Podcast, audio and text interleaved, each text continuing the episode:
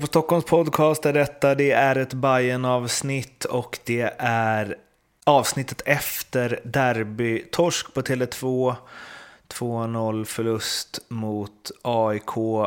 Ett AIK som kom från en rejäl överkörning mot eh, Norrköping där de låg under med 4-0 efter 30 minuter. Totalt sönderlästa och vi pratade i hela förra Bayern eh, podden om att det här passar ju Hammarby perfekt. Alla deras styrkor är sånt som AIK har sina svagheter på med det nya spelsystemet etc. etc. Och ett eh, stukat AIK som är osäkert och saker funkar inte mot en, den mest väloljade offensiva maskinen i allsvenskan. Och vad gör Stefan Billborn då, Oskar? Han gör tvärtom mot vad han brukar göra. Han har ett lag, eller han har lett ett lag till i 23 matcher på hemmaplan utan att förlora. Och i eh, de allra flesta matcherna av dem har man eh, pressat sönder sina motståndare helt och hållet. Ehm, och och eh, ja, alla vet ju hur det brukar se ut liksom med och Tankovic och Kasaniklic på, på kanterna som brukar få övertag på sina motståndare. Ehm, och precis som du sa, liksom Norrköping satte AIK schackmatt i varenda given situation. Så... Eh...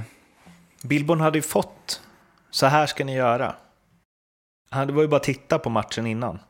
Ja, och man undrar vad fan som hände här egentligen. För att man tänker att, att ja, men har han någon slags komplex jämfört med Rickard Norling som han har klar minusstatistik på i de här interna matcherna. Tänker han att den här analysen är alldeles för självklar. Eh, så nu måste vi göra på ett annat sätt. Att det är så givet, men bara för att det är derby och det är ja, högre insatser än vanligt så så ska vi outsmarta dem på något sätt. För att AIK gjorde ju en eh, mycket bättre match givetvis än Norrköping. Eh, och man rättade till lite saker i positionsspelet eh, där bak. Men det var ju ändå, man visste ju att AIK skulle fortsätta med samma formation. Mm. Det sa ju Norling rätt ut. Och att ha den här avvaktande fotbollen, där man skulle lura upp AIK på något sätt, var ju så att man satt och såg den här matchen och förstod ingenting undrade, ja men när... Vi pratade om det i AIK-avsnittet nu, att det var som att AIK, ja men alright, Hammarby går med på att ni får träna lite på er avancerade fotboll här som ni inte riktigt har kommit underfund med än. Så väntar vi på er. Får ni lira runt bollen. Jag har ju, vi har ju de här diskussionerna ibland. Jag är väldigt, jag har svårt för när liksom tyckare utanför eh, fotbollen pratar som att de kan mer fotboll än tränare som tränat allsvenska lag i tio år. Eh, men i det här fallet så är det någonstans att Ja, men som vi var inne på, Billborn kan titta på AIK Norrköping och visst, AIK var mycket bättre i den här matchen förstås. Men det han ser där är ju så här, okej, okay, eh, det här har AIK problem med. Och det de har problem med, det är exakt det som vi gör alla hemmamatcher. Eh, så då borde man ju bara göra det. Mm. Eh, mm. och, men, det men det blir lite som att så här, om du ska ha en riktigt haltande metafor så är det lite som, eh, och det, det, här är bara för att det har varit midsommar och jag har det färskt i minnet, men det är som när man går tipspromenad och sen så har man satt för många ettor till exempel. Och man vet att det är en etta. på fråga 10. Men man sätter ändå ett kryss. För man tänker att här är någon som har tänkt ett varv till. Eh, och det var ju alltså Billborn så här, nej du behöver inte tänka mer. Än, alltså du ser ju vad ni ska göra, ni är svinbra på det. Även om AIK kommer vara bättre mot er än mot Norrköping och rätta till vissa grejer. Så kommer de, de kommer få problem om ni spelar som ni alltid gör. Och så spelar de på ett helt annat sätt. Mm.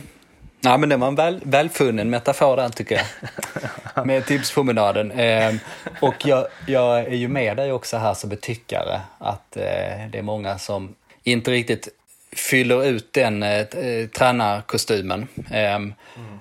Utan, utan, men jag ser däremot att eh, man eh, får gärna tycka och analysera friskt eh, så, så, länge man har gjort det på förhand så att säga. Eh, mm. Och eh, om man då har varit snett ute, då får man liksom erkänna det i så fall.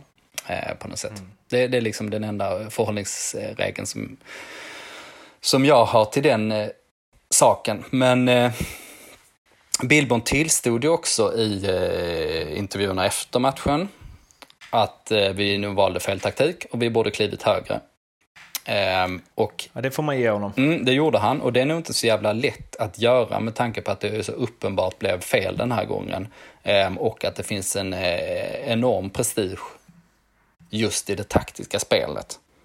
Alltså det här är inte två tränare som eh, eh, liksom går ut och köttar gubbar liksom. Och snackar om att, eh, att taktiken är inte så jävla viktig liksom. Det är inställningen och, och att kriga som är grejen. Utan det här är ju eh, Norling är synd att säga att han är den nya generationens tränare. Men det är åtminstone eh, den eh, tränare som lägger fokus på, på just det taktiska och eh, lägger ett stort, eh, stort vär, värde här, i det. Ehm. Nu, nu ska vi inte hacka sönder eh, Billborn helt här, men ja, det är bra att han liksom kan stå för det och erkänna det. Men i ärlighetens namn fanns det ju inte heller jättemånga halmstrån han kunde ta som och rädda upp det. Alla såg ju.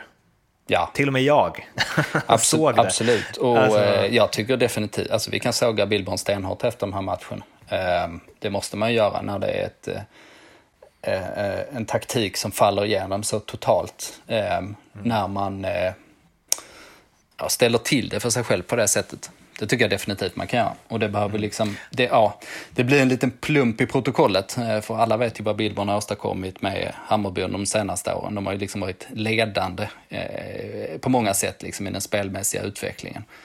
Eh, men, eh, ja, jag... Han sa ju det att det blev varken hackat eller malet.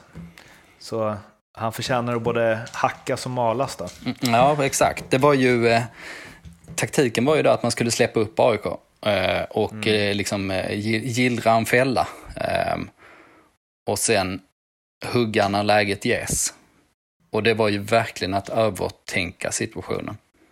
Mm. Uppenbarligen. Jag tror att den känslan måste ju alla bajare som följer sitt lag, lag nära och som har ett eh, visst taktiskt intresse känt. Och jag tänker mig att hur Hammarby än analyserar det här så måste man ändå landa där någonstans i den, i den slutsatsen. Vad tycker du när han säger så här, på tal om varken hackat eller malet då, så sa han ju att i den taktiken när de inte skapade någon chans, att de kom till lite lägen där första tio minuterna, men sen så blev det, fick, de inga lägen, även om AIK inte skapade något så var det ändå liksom inte det Hammarby-spelarna var vana vid i sitt eget spel. Och att det då blev lite frustrerat, det blev lite slarvigt med bollen när lägena viss, väl kom. Ehm, och där på ett sätt kan man ju säga att de är professionella fotbollsspelare, de borde kunna hantera att spela på det sättet också, de borde kunna hantera den frustrationen och så, samtidigt som de är ju vana vid att spela på ett sätt och Kacaniklic sa ju det efteråt att så länge jag har spelat här så är det vi som ska attackera i matcherna och pressa och få upp tempot. Och det är liksom det vi är bekväma i och visst, vi hade inte där, kanske den inställning och energi som vi ska se till att allt det finns där. Alltså, som spelare så får man ju liksom själv ta ansvar för att man uppbringar en viss energi, speciellt i derby. Men när Billborn medvetet går ifrån det som är så inkört, då tycker jag, då kanske han borde kunnat förutspå att det skulle bli frustrerat också. Ja, det tycker man ju. För att det är ju liksom den, den ja, framgångsfaktorn om man ska förenkla det. Det var ju den, mm. det var ju den man eh, plockade bort. Sen så är det ju så här, eh, AIK spelar ju ett, eh, spelar ett jävligt avancerat 3-4-3-system som inte ens Rickard Norling förstår sig på själv. Eh, men eh, det är ju rätt typiskt med den här typen av eh, Eh, man-man-försvar som man kör, att det kan falla igenom helt, så som mot Norrköping. Och det liksom, eh, ja, man blev ju eh, fullständigt mos, mosade där eftersom man hamnade i underläge på så många ställen på planen. Men det kan ju också bli så att man låser motståndarna. Så jag tror ju att om Hammarby spelat som vanligt så att säga, valt att kliva högt, Eh, så hade man kunnat stressa AIK mycket. Men, jag tror, men det är inte helt självklart att man spelat ut dem på så, så sätt. Liksom. Och det ser man ju till exempel med eh, Bojanic som var rätt punktmarkerad, att han kom inte alls till sin rätt där. Han gillar inte den typen av eh, eh, motståndare, utan han störs ganska mycket av det. Så, så att jag tror inte att det hade blivit eh, en Norrköpings överlägsenhet för Hammarby om man, eh, om man bara kör på. Men jag tror att om man bara liksom kommit i våg efter våg eh, så tror jag absolut man har vunnit den här matchen. Sen så är man också, kan man ju också vara eh, eh, kritisk till vilka spelare han tog ut den här gången. En grej om det är bara, det, han sa ju också att eh, Billborn att eh, AIK spelar ju man-man och det borde passa oss bra. Men det gjorde inte det. Nej, det borde ju det. Och, och, och eh, jag menar mest att det kan ju låsa sig. att Det, det har man ju sett förr, alltså man tänker uppspela. Men om man tänker högre upp i plan så borde det definitivt eh, passa Hammarby. Men mm. då, det var ju förutsatt att eh, Kasanikli skulle spela. Som hade glänst i en sån roll. Och nu tar man in eh, eh, Imad Khalili där som är inte alls en spelare som kan slå ut sin gubbe, utan mer ja, en komplementspelare. Ehm, och eh, så länge Abbe Khalili liksom inte kommer till sin rätt och eh, kladdar lite för mycket på bollen. Det kommer att bli bra med tiden, men det är inte bra just nu. Ehm, så ju, i, min, i min värld är det självklart att Gustav Ludvigsson går före. Vi var inne på det redan för två avsnitt sedan, men eh, jag tycker att det, det svaret de svaren man får därifrån är rätt tydliga. Men eh, Katja Niklic, det måste ju, alltså han tog sig lite för ryggen och så i slutdelen av matchen och så. Det, det måste ju varit något, tänker jag. Att man tar det lite lugnt med honom. Ja, man tycker det. Billborn sa i sig, han brukar i sig vara eh, uppriktig där. Och han sa ju att det berodde på eh, matchningen, spelschemat. Eh, men det kanske fanns någon liten skadefaktor också, eller skaderiskfaktor, eh, mer konkret så att säga.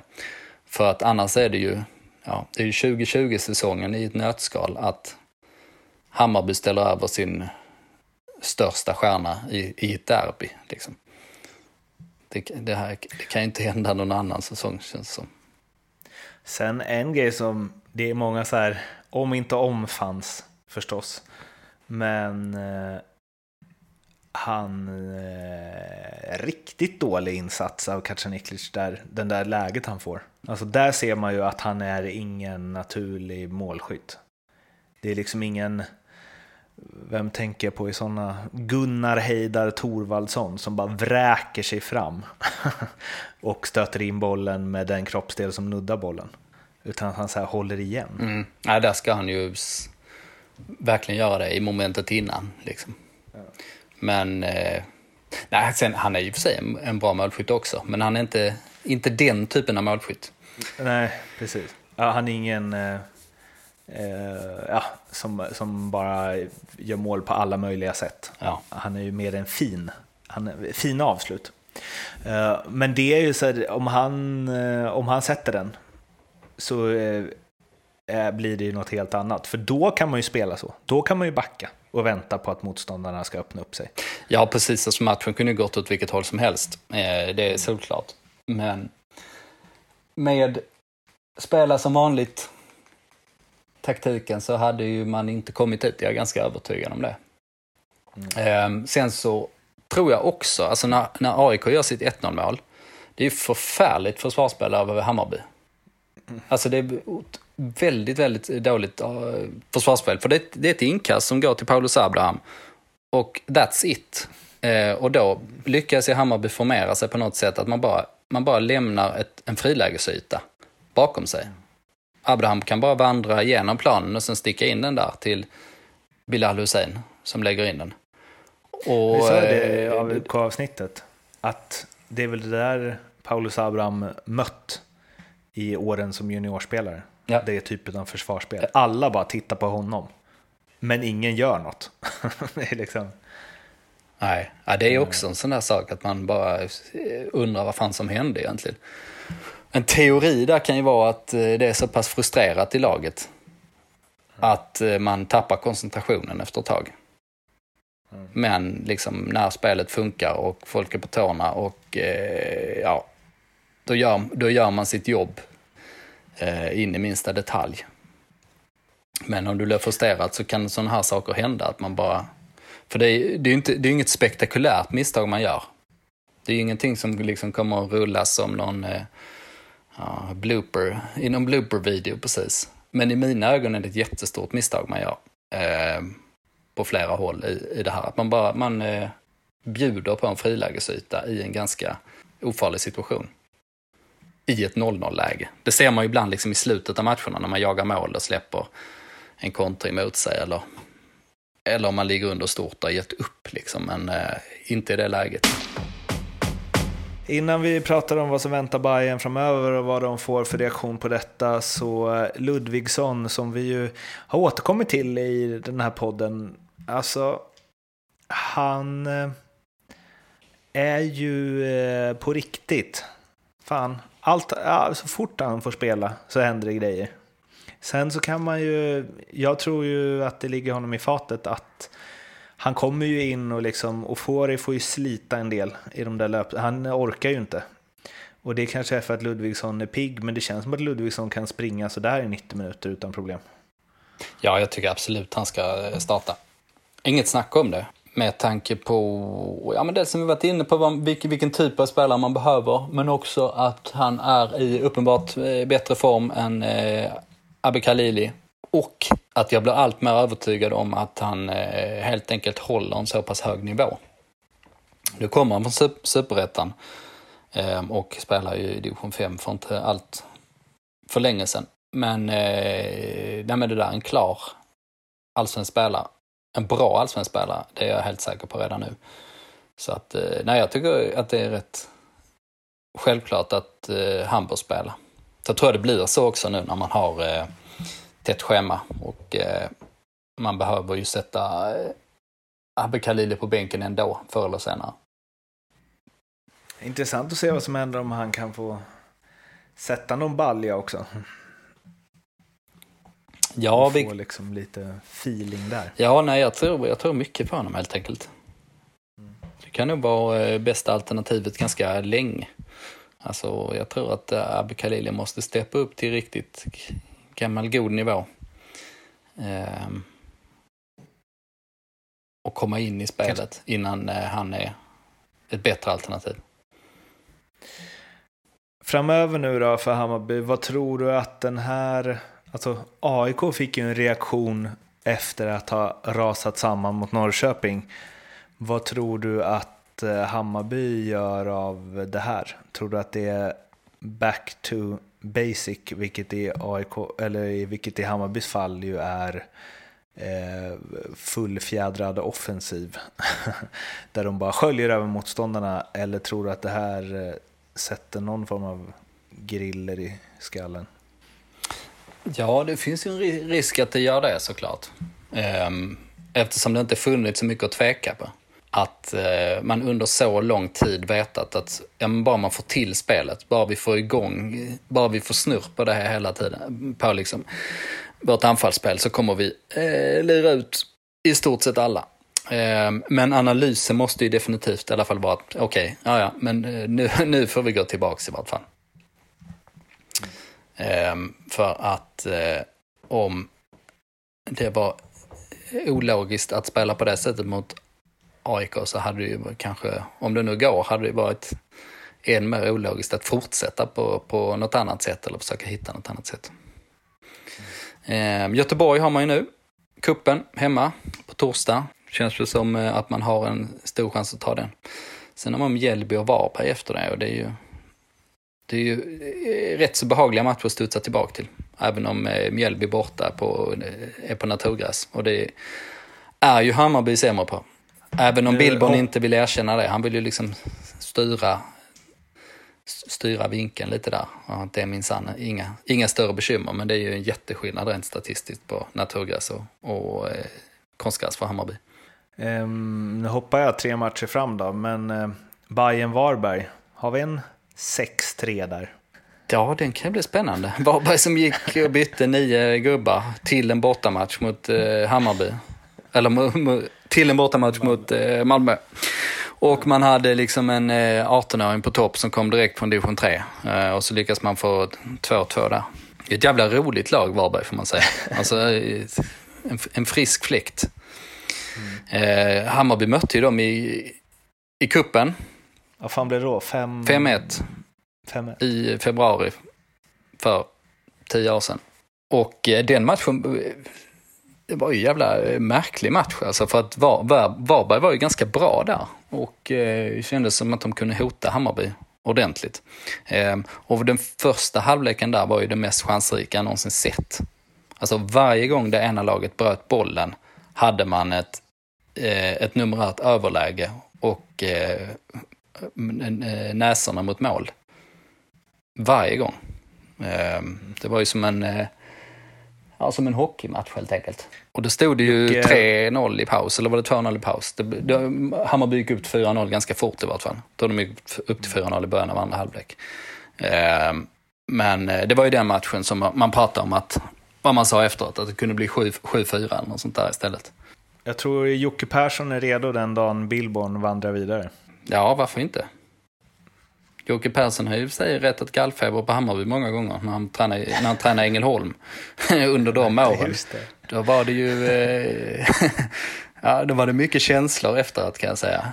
I pressrummen. Och Jocke Persson satt där och flinade och visste att han try kunde trycka på eh, de ömma punkterna hela tiden.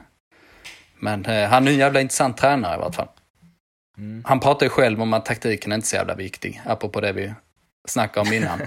eh, men eh, det är nog mer en image som man har.